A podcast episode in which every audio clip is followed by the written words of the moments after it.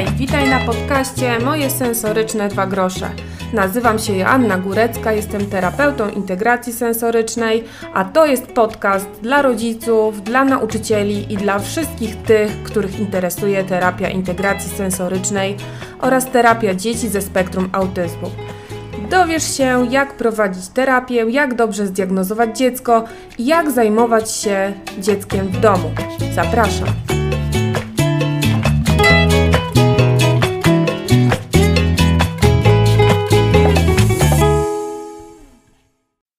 Hej, witaj w czwartym odcinku podcastu Moje sensoryczne dwa grosze. Dzisiaj e, tytuł podcastu to cztery wskazówki dotyczące diagnozy i terapii integracji sensorycznej.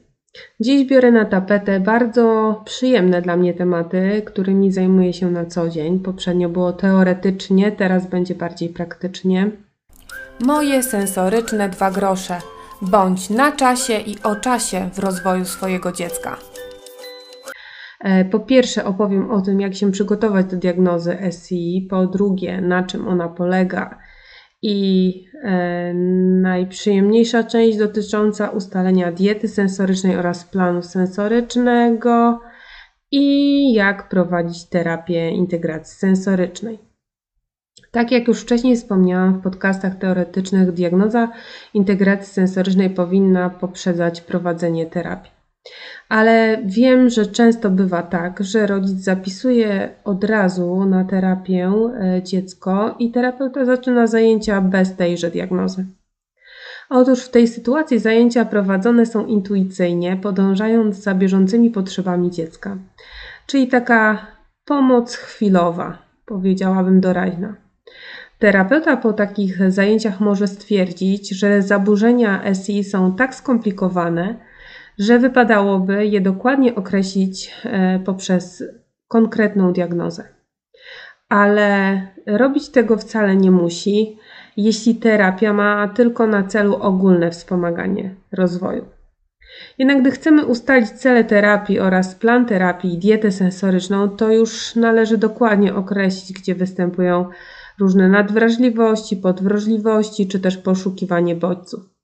Pomaga to w mierzeniu postępów terapii, e, gdyż takie należy określić dokonując rediagnozy, czyli ponownej diagnozy.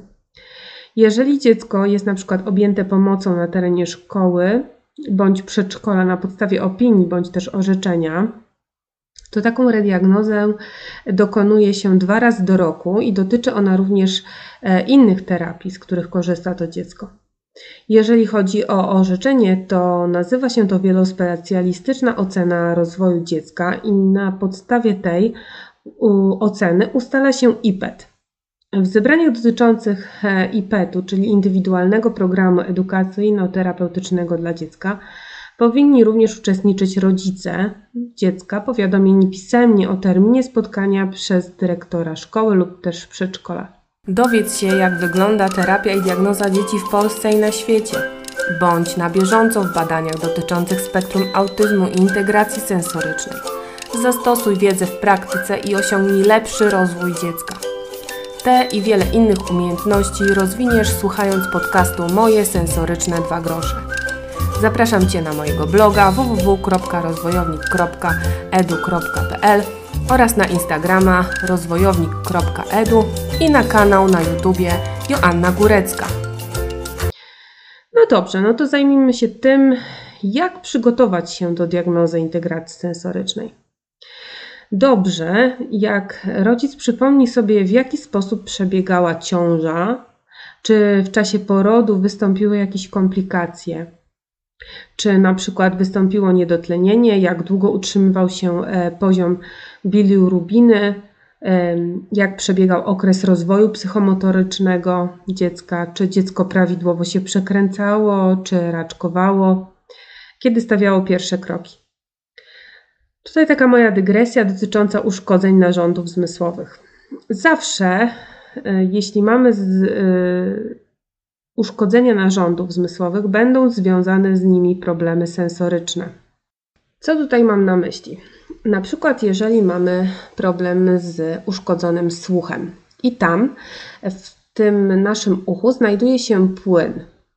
i czeka dziecko na operację e, dotyczącą jego usunięcia. Wtedy diagnoza integracji sensorycznej nie jest prawidłowa, bo często po usunięciu tego płynu lub też usunięciu migdałków dzieci cudownie zostają ozdrowione z zaburzeń integracji sensorycznej.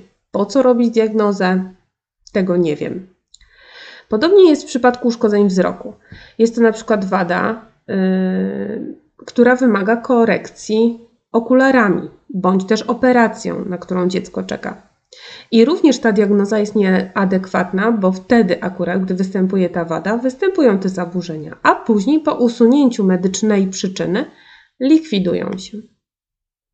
No chyba, że te e, uszkodzenia wzroku, słuchu bądź innych narządów zmysłów są e, związane na przykład z niedosłuchem, z niedowidzeniem, są trwałe i wtedy diagnozę integracji sensorycznej wykonujemy, aby wspierać te procesy i usprawniać funkcjonowanie całego organizmu dziecka.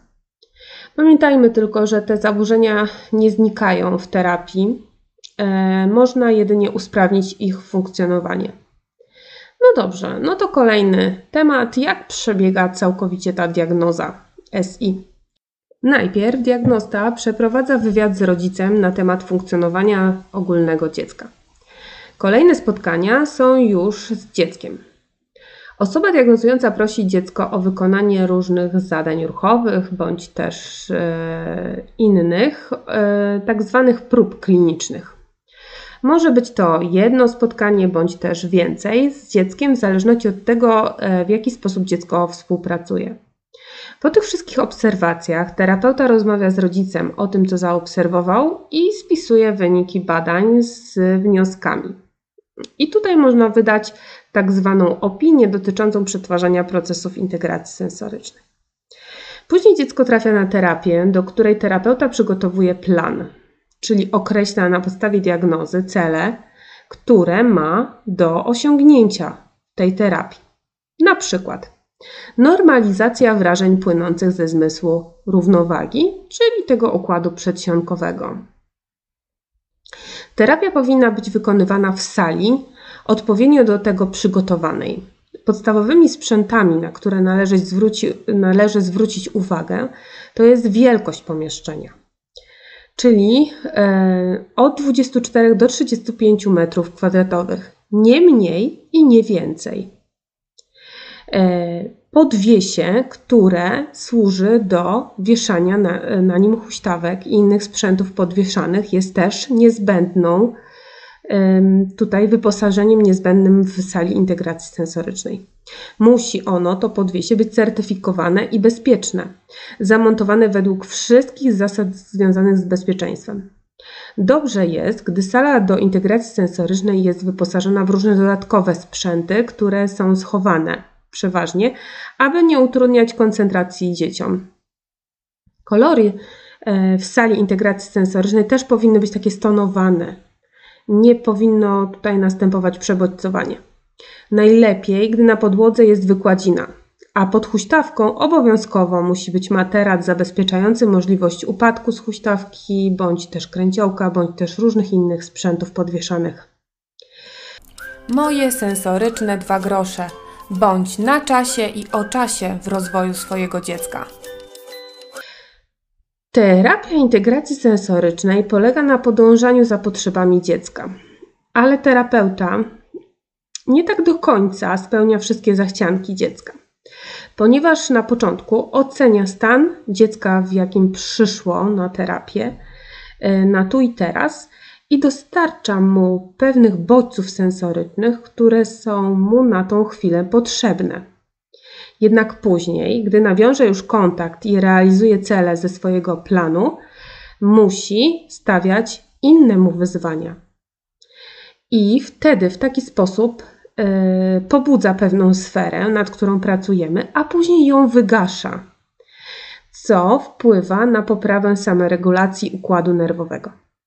Używa do tego różnych sprzętów, gier, zabaw, a na koniec y, zajęć zwykle wykonuje ćwiczenia wyciszające, czyli na przykład masaż e, lub jakaś gra na koncentrację uwagi.